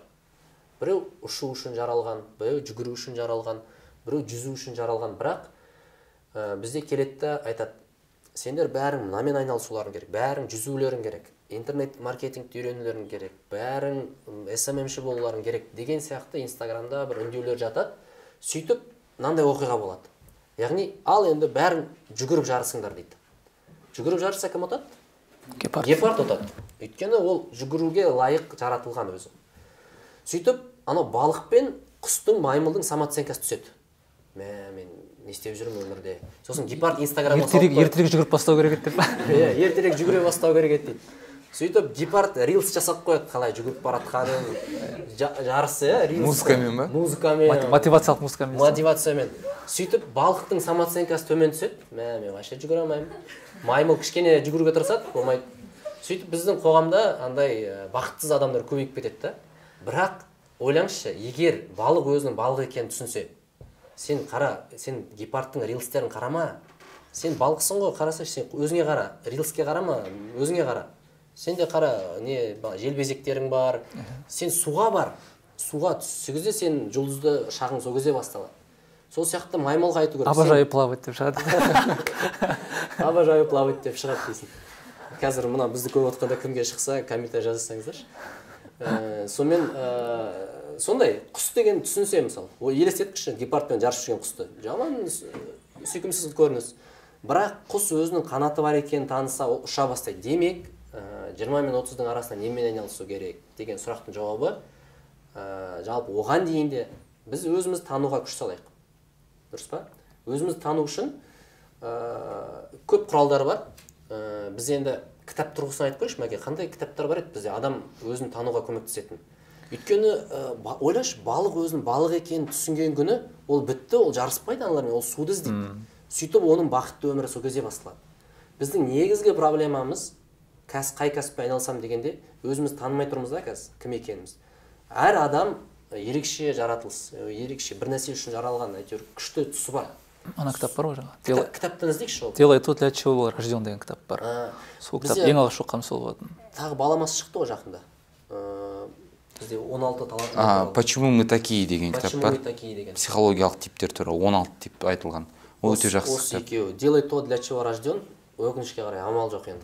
Құрметті аудармашылар осындай кітаптарды қазақ тіліне аударайықшы. Ыыы, кім аудармашылар болса осындай мен аударатын едім қолым босамай жатыр подкастта. Иә. Осындай дүниелерді аударып қазақ тілді мысалы ауылдағы жастардың осы нәрсе өзін тануына өзінің ерекше екенін түсінуіне бір жағдай жасайық. Осындай кітаптар аударып біз де мүмкіндігімізше аударып жатырмыз. Мазмұндама бар. Ә, осы екі кітап почему мы такие? Яғни бұл жерде бірақ майерс брикс бойынша 16 тип бойынша адамдарды мысалы мынау типтегі адамдар мынандай мамандық делать то, ә, то для чего рожден деген кітапта мынандай жақсы нәрсе айтылады.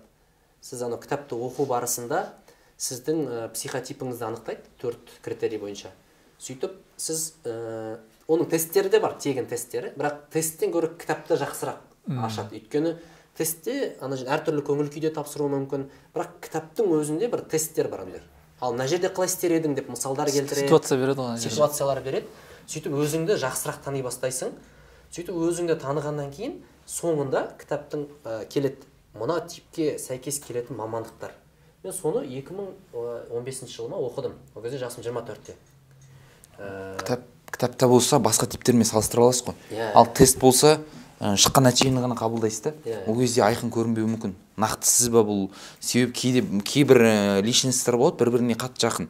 Иә. бірақ ана бірең сараң ғана айырмасы бар. Енді сол кітаптан шыққан енді. Мысалы психолог болуға болады жазушы болуға болады автор болуға болады сценарист болуға болады маркетолог болуға болады деп. Мұғалім болуға болады деп.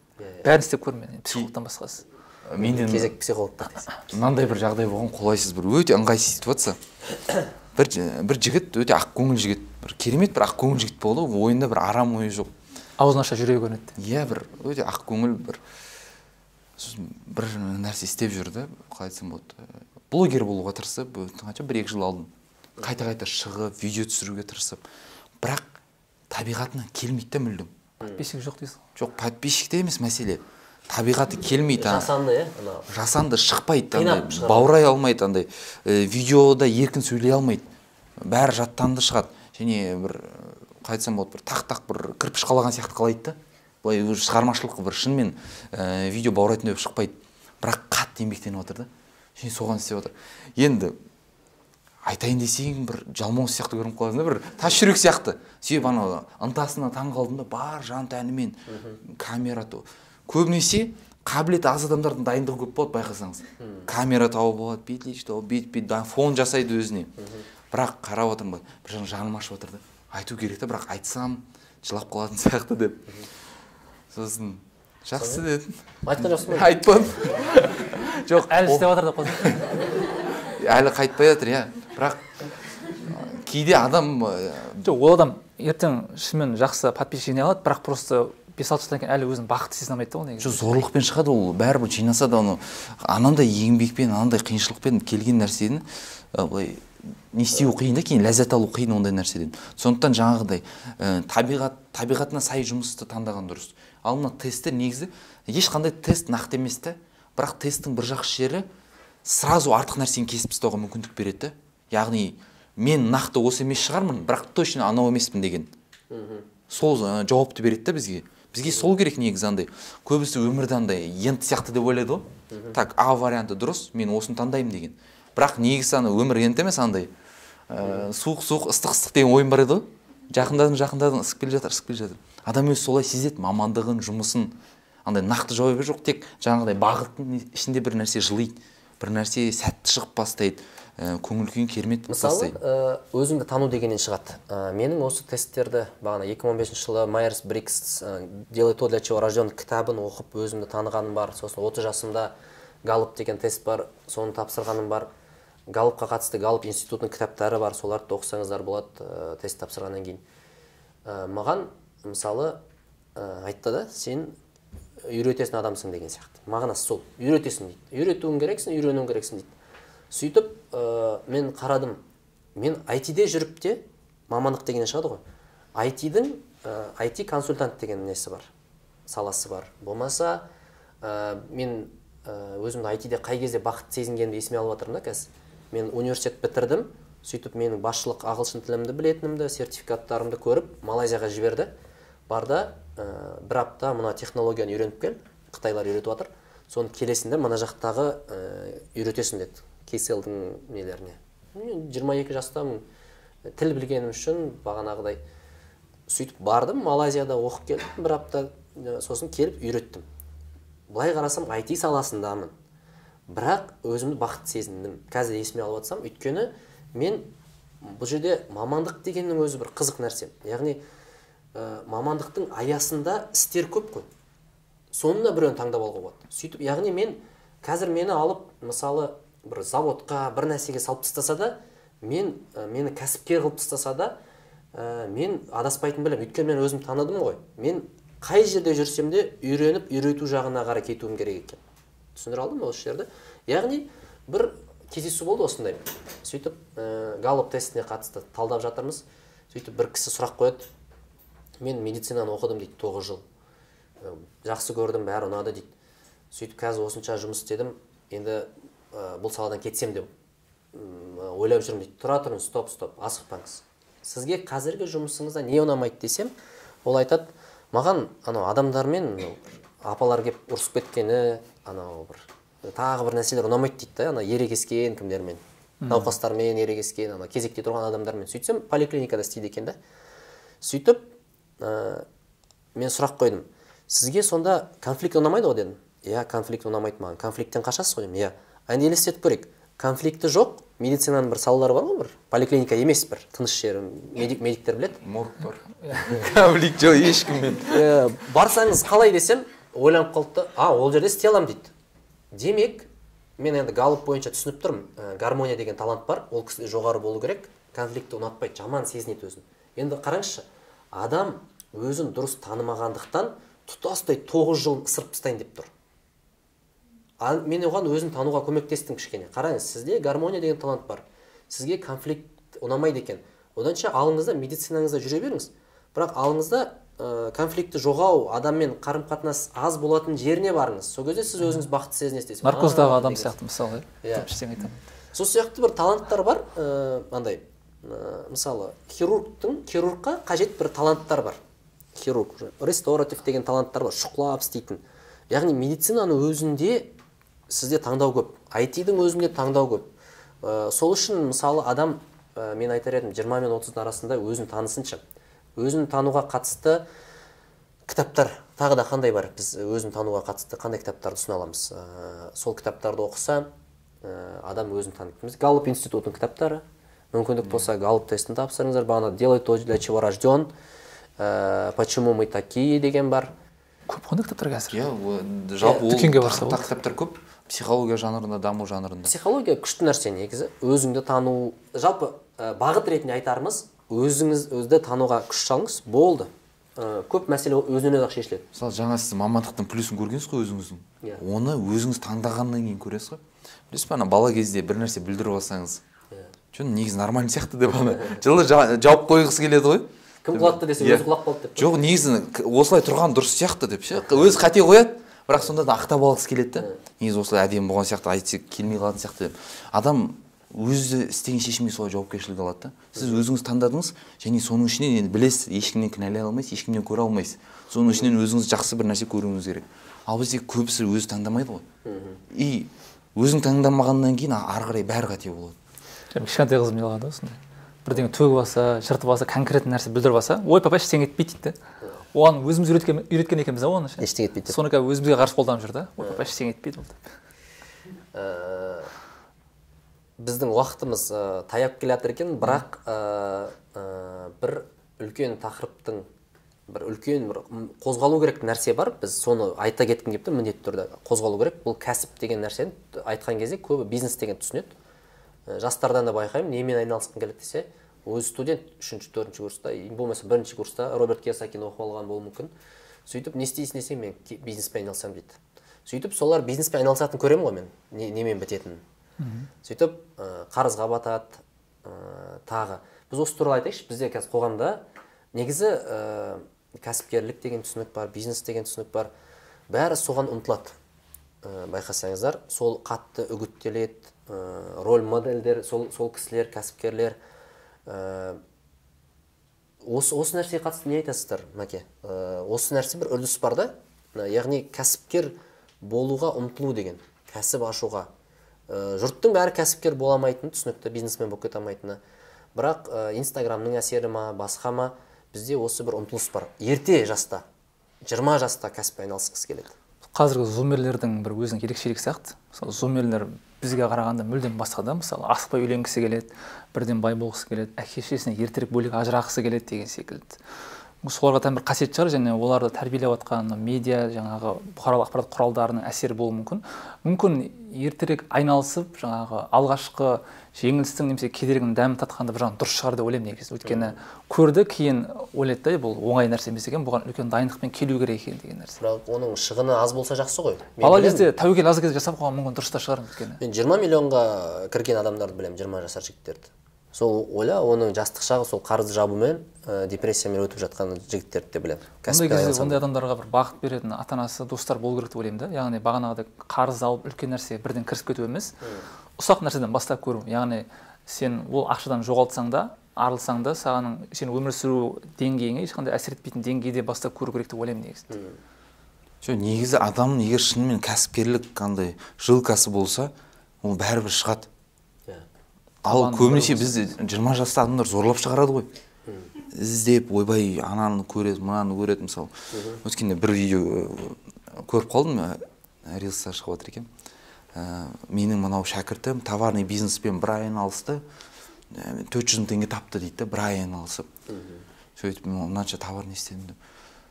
Төрт жүз мың теңге үшін кәсіп болу міндетті емес қой.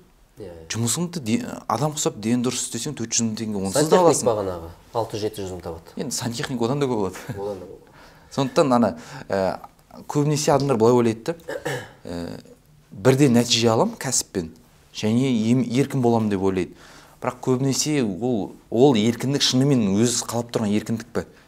Немесе басқа саған еркіндік керек дегеннен кейін ұмтылған еркіндік пе деген анықтау қажет та жаңағы өзіңе өзің тану деген тағы қайтып келеміз да соған. Себебі адам өзін таппағанша бәрінің мақсаты өзінікі сияқты көріне береді. Бүгін кәсіп бастайды ол кәсіп бүгін трендте болып жатыр ертең тренд не болады? Майбилография болады. Мен майбилограф шығармын деп кетеді. Сөйтіп сөйтіп жүре береді. Гепард болып жүреді дейсің ғой. Андай сөз бар ғой. Қарның аш кезде магазинге барма деген ше. Талай бәрі көрген шығар қарның аш кезде кейде жұмыстан келіп кіре салайыншы дейсің да чипс сип бәрін алып шығасың ғой жерден ше. И қарасаң біраз сумма шығып кеткен да негізі бір нанға ғана кірдің бірақ он мың теңге төлеп шықтың да.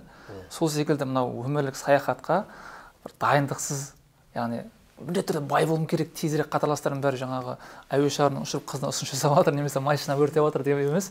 Бір кітапты оқып бір жақсы достармен араласып бір дайындықпен кіру керек та сол кезде сен ұрынып қалмайсың да негізінде. Иә.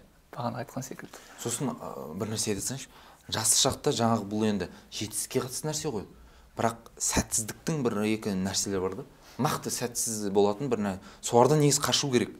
Енді мыналарға ә, жаңағы біз айтқан жақсы нәрсеге ұмтылсаңыз да ұмтылмасаңыз да более менее өміріңіз нормально сүре бересіз да бірақ қазір айтатын нәрселер бар мысалы. Ә, денсаулыққа қарау. Өте маңызды бұл. Енді оны келесі подкастта айтамыз бірақ жа- жастық шақта денсаулықты күтуіңіз керек. Өйткені бұл нәрсе қайтып келмейді сізге. Ә, өміріңізді құртуы мүмкін нәрсе денсаулық ә, өте мұқият қарауыңыз керек. Сосын түрмеге түспеу керек. Заң бұзбау болса дейсің ғой ықтимал болса. Яғни мен соны он жеті жасымда сен де қалдың болсаң да түсіндің ба он жеті Жоқ. жасында он жеті жасында жоқ он жеті жаста ойландым да. Негізі кез келген мәселеден шығуға болады тек түрмеге түсіп қалмасаң болды және емделмейтін ауру жұқтырып алмасаң болды. Немесе сондай науқас болып қалмасаң болды да. Сондықтан сол екі нәрседен қашу керек. Заң бұзбаңыз ә, және ә, денсаулығыңызды күтіңіз. Ал содан басқа кез келген мәселе ақша мысалы біз көріп жүрміз ақша келеді кетеді. Ә, сіз қазір шешілмейтіндей көрінген проблеманың өзі бір айдан кейін түк емес болып жатады. Сондықтан ең маңызды достықпен қарым қатынас жақын сыйлау ата ананы құрметтеу денсаулыққа қарау және тәуелсіздік бостандық. Шынымен қалаған уақытыңызда қалағаныңызды істеу. Ал ә, тәуелсіз адам ақшаға да қол жеткізеді бақытты да болады бәріне үлгереді. Сондықтан анаған жетемін деп жолды төтесінен кесемін деп заңды бұзып бір олқылық істеп асығыстықтан болып жатыр ғой бұның бәрі. Иә. Мысалы көбісі қулық істегісі келеді ғой. Бірақ енді қарашы мысалы қулықпен ә, нәтиже мен ә, еңбегіңіздің арасын ары кетсе бір жылға қысқартасыз да. Ол қулық оңынан түссе. Ал түспесе ше он жылды түрмеде өтеп кейін мына бір өзге ғаламшарлық құсап өзіңіз таба алмай сандалып жүруге дайынсыз ба? Кейде адамдар ә, екеуін салыстыра алмайды да бұл физикалық түрме ғой. Кейбіреулер қаржылық түрме жасап алады өзіне қарызға батады. Кейбіреулер менталдық түрме жасап алады өзіне. Кең ұғым да. Сондықтан негізі қазір төлей алмайтын қарызға кірмеу керек ол да нәрсе. Қазір төлей алмайтын қарыз сіз скорее всего ертең де төлей алмайсыз. Осы осы мәселені айта кету керек. Көбісі анау болашаққа позитивно ойлайды да. Негізі адам қызық ә, қарыз алғанда болашағын жарқын елестетеді. Да мен ертең бұйырса атып кетеді ана жұмысым. Мынау шығып кетейін деп тұр мынау болып кетейін деп тұр ана жақтан не келу керек есептеп отырады ғой Иә, әлі түспеген ақшаны есептеп отырады да. Ә, енді ә, мен сөз соңында ә, осы тақырыпты бір қорытындылай кетейін. Кітап және кәсіп дедік. Біраз кітаптардың атын айттық. Ә, біздің айтып жатқан әңгімемізде осы кітаптан алған ойлану қабілетімізден деп ойлаймын. Ә, жалпы мынандай нәрсе бар. Ә, кәсіпке кәсіпкер бизнеске ұмтылу деген нәрсе бар. Енді біз ағаларымыздан естіп жүргеніміз бар. Ә, айтады кәсіпкер болу үшін ә, бизнесмен болу үшін асықпа дейді мысалы ә, сен мынандай өзінің несін айтады кезеңдерін. Сен бірінші бір ә, істі меңгер дейді. Бір істі меңгер өзіңді асырайтын бір істі меңгер. Сосын сол салада өзіңді шыңдай бер. Сосын со, командада жұмыс істеп көр. Сосын сол команданың басқарушы боласың. Содан кейін ә, сен бір 26 жастан бастап ә, кәс, жеке ісің кәсібің туралы ойлана бастасаң болады дейді. Жалпы 20 мен 30 арасында бұл ағалардың ақылы және бұл менің көңіліме қонады өмірін тәжірибеме қара- қарасам да солай асығудың керегі жоқ. Жаңағы кәсіпкер болуға ұмтылу жаман емес жақсы. Бірақ ә, не мамандығың жоқ не асырайтын ештеңең жоқ не ә, білімің жоқ не оқуың жоқ не өз өзің жетілдіру қабілеттерің жоқ. Өзі бір табиғатынан бір қанша бір бұрын естуші едік үш процент қана қоғамдағы адамдар туа біткен кәсіпкерлік талантпен туылады бағанағы кластасың сияқты ма кім сияқты? Алып сатып ол көрініп тұр ондай адамдар көрініп тұрады. Бірақ басқа адамдарға орташа кәсіпкер болуға болады бір 26 жастан бастаса болады. Сосын ә, жалдамалы жұмысшы болу деген ол жаман нәрсе емес негізі. Ол қайта жалдамалы жұмысшы болуда еркіндік көбірек ә, кәсіппен айналысып көрген адамдар түсінеді олар. Сен ә, кәсіпкер болсаң да бизнесмен болсаң да бізде инстаграмда көрсетіп жүрген ә, кәсіпкерлердің егер қазып көрсек ә, арт жағындағы қаржылық мәселелер мәз емес негізі. Мүмкін жақсы машинада уақытша айдап жүруі мүмкін жақсы телефон жақсы киіммен жүруі мүмкін бірақ оның бәрі публикаға істеп жатқан іс болуы мүмкін. Бәрі емес бірақ мен көріп жүрген көпшілігі сондай. Сол үшін ә, бастысы сіздің қаржылық еркіндігіңіз ә, сіздің бағанағы жалдамалы жұмысшы неге еркінірек десек өйткені оның ә, ол, жауап көп жауапкершілік алмайды өзіне бизнестің иесінде де көп жауапкершілік сіз кәсіпкер болсаңыз да сіз өзіңіздің клиентіңізге жалдамалы жұмысшысыз ғой сол үшін жалдамалы жұмысшы деген ә, бұл бағанағы роберт киясакиді оқып алғаннан кейін көп жастарда болатын түсінік яғни бұл ә, кітапты оқыған кезде де дұрыстап оқу керек екеніне бір ә, ишарат өйткені ә, мына мысалы ә, былай да мен білем бір адамдар бар жалдамалы жұмысшы болады және ол артық жауапкершілік алу арқылы мысалы күшті бұл өте күшті формула жастарға. Сен қазір бір жерде жұмыс істесең жалдамалы жұмысшы болып бір мамандықты игересің бір жерде жалдамалы жұмысшы боласың сенің басшың бар жақсы басшы таңдауға тырысу керек жиырма мен отыздың арасында өте маңызды нәрсе. Сөйтіп ә, ол басшы жауапкершілік сода сенде артық жауапкершілік жоқ. Бірақ сен одан аласың да көресің мына бизнесте мынаны мен проблема мен шешейінші деп артық жауапкершілік артық жауапкершілік артық тәуекел аласың да соған сәйкес саған ақша береді. Кез келген кәсіп иесі өзінің қол астында жұмыс істейтін адам болғанын қалайды. Және ол үшін жармасады. Дұрыс былай адекватный басшы. Сөйтіп сіз қазір жүрген компанияңызда жұмыс орныңызда ана бизнестің бәрі тетіктерін түсініп алсаңыз болады. Бухгалтерия қалай жұмыс істейді анау қалай істейді. Дайындық қой бағана сөйтіп 26 жасыңызда өз ісіңізді бастасаңыз сізде қадалу аз болады. Өйткені іштен көргенсіз бәрін. Өте күшті стратегия да бұл 20 мен 30 арасы кәсіпкер болғысы келетіндерге. Яғни онымен қатар бағанағыдай айтқан софт скиллдар дейді ғой. Адаммен тіл табысу эмпатия таныту бағана нетворкинг құру соның бәрін үйрене беру керек.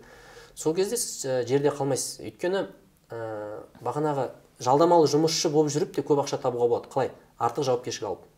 Давайте мынау бизнестегі проблеманы мен шешіп берейін дейсіз да. Или мынау істі мен шешіп берейін дейсіз. Бізде жалдамалы жұмысшы болып қиналып жүрген адамдар мен мынаған құл болып жүрмін ғой деп жүрген адамдар негізі өз өздеріне құл болып жүр ғой өз өздерінің мақсатының жоқтығынан қиналып жүр олар. Өзінің сценарийі жоқ. Мен немен айналысам? Мысалы мен сіздерге қазір сценарий құрып беруге тырыстым. Ә, мына жастыққа дейін мынаны үйренесің сосын ә, бизнестің ішін түсініп аласың ойлаңызшы ә, сіз ә, білесіз қазір мына компанияда жүрмін мен өзімді дамытып жатырмын деп ойлаңыз. Мен өзімді бизнестің ә, қыр сырын үйреніп жатырмын деп осы компанияда ары қарай мен мынамен айналысам мынандай айналысам деген өзіңіздің ә, көріп тұрған қадамдарыңыз болса сіз мынау компанияда өзіңізді құл сезінбейсіз. Өйткені сіз еркін адамсыз. Сіз өз еркіңізбен мына нәрсені істеп жатсыз. Бізде адамдардың сол мақсатының жоқтығынан ә, басшыны кінәлайды мынау мені қолданып жатыр. Әрине қолданады сен өзіңнің мақсатың жоқ қой. Сенің мақсатың болмағанда сен басшының мақсатына ә, бас иесің. Сол үшін ә, біз жалдамалы жұмысшы болсақ та бұл өмірдің бәрі сауда негізі. Жалдамалы жұмысшы екеу, ә, басшы екеуің ә, келісім шартқа отырасыңдар. Құл емессіз сіз еркін адамсыз. Сіз өзіңіздің уақытыңызды сатасыз ол сізге ақшасын береді. Кәсіпте де тура солай. Товар саттың саған ақша берді. Екеуі бір схема. Сол үшін ә, мен айтар едім кітап оқиық өзімізді дамытайық. Жиырма мен отыз жастың арасында осындай істермен айналысайық. Ә, құрметті көрермендер ә, комментарий пікір жазыңыздар. Бағана айтқым келіп жатқан қолдап жіберіңіздер. Мәке өзіңіз түйіндесеңіз ұлы адамның бір өмірімен түйіндегім келіп тұр да бауыржан момышұлы біз енді оны полковник ретінде танимыз ғой негізінде? Бірақ ол кісі бірнеше жыл бойы экономист болып жұмыс жасаған. Өндірістік банк деген болған. Қазір біз ұлттық банк сияқты. Сол жерде өте мықты жұмыс жасаған. Оны тіпті мәскеуге оқуға жіберіп сол жақтан да мықты білім жетілдіріп келген да мықты экономист бола тұрып оны соғысқа жібереді. Яғни бірінші әскерге жібереді сол жақта ротаны басқарады батальонды басқарады. Одан кейін ә, полкты басқарады. Соңында дивизияны басқарады да ең үлкен. Одан кейін армия ғана бар. Сол дивизияны басқарып ол жақта да өзінің бүкіл қабілеттерін көрсете білді да. Бағана экономист болып есепті мықты шығара білсе соғыста да сол есепке мықтылығын сол жақта қолдана білді. Енді сол кісі айтады ә, соғыс біткеннен кейін тағы да оқу оқиды да ә, москвадағы бір қонақ үйге ә, неге бардық ресторанға бардық дейді. Сол жерде бірнеше генералмен әртүрлі армияның генералдарымен сөйлесіп отырмыз дейді. Ана жерде оркестр бар тірі дауыста музыка болып жатыр. Музыкасы шашыраңқы болып жатыр дейді да. Сонымен қасымдағы бір генерал барып тұрды дейді да ана біз ә, деп қалып қойдық керек емес деген сияқты. Ана жерге барды да дирижер тұрғанға тұрып тұрған тұрған дирижерға келіп бірдеңе құлағына сыбырлады да өзі келіп жаңағы дирижердің таяғын алды да полонезді ойнаймыз деді да сөйтіп. Ойнап еді ана бүкіл оркестр бір жерден бірдей қимыл жасап керемет ойнап шықты дейді да. Тұрған қонақтардың барлығы орнынан тұрып қол соқты дейді тіптен дирижердің жаңағы тұрған оркестрдің өзі қол соқты дейді да. Біз сізді бір ана мас болып қалған генерал деп ойлап қалдық деп айтады дейді олар. Сөйтсе ол кісі соғысқа дейін музыкант болған екен да. Мықты музыкант болған кәдімгі дирижер болған. Бірақ соғысқа да келіп генерал деңгейіне дейін көтерілді да қарапайым музыканттан. Демек біз кез келген салада өзіміздің бағанағыдай таланттарымызды дұрыс қолдана білсек ор- оркестрді басқарған адам соғысты сарбазды басқарып тұр ғой негізінде. Иә барлығында бір қабілет. Иә иә. Демек бойымызда қабілетті кез келген салада қолдана білсек кез келген салада сол қабілетті қажетсінетін сала бар негізінде. Мамандық өзгереді қабілет өзгермейді. Сол үшін өзің, өзімізді дамытайық ә, өзіміз мүмкіндіктер күнде келеді. Ә, біз өзіміз дайындық барысын жасайық ал жетістік мүмкіндік пен дайындықтың түйіскен жерінде. Достар рахмет. Назарларыңызға келесі подкастта кездескенше ә, пікірлеріңізді қалдырыңыздар.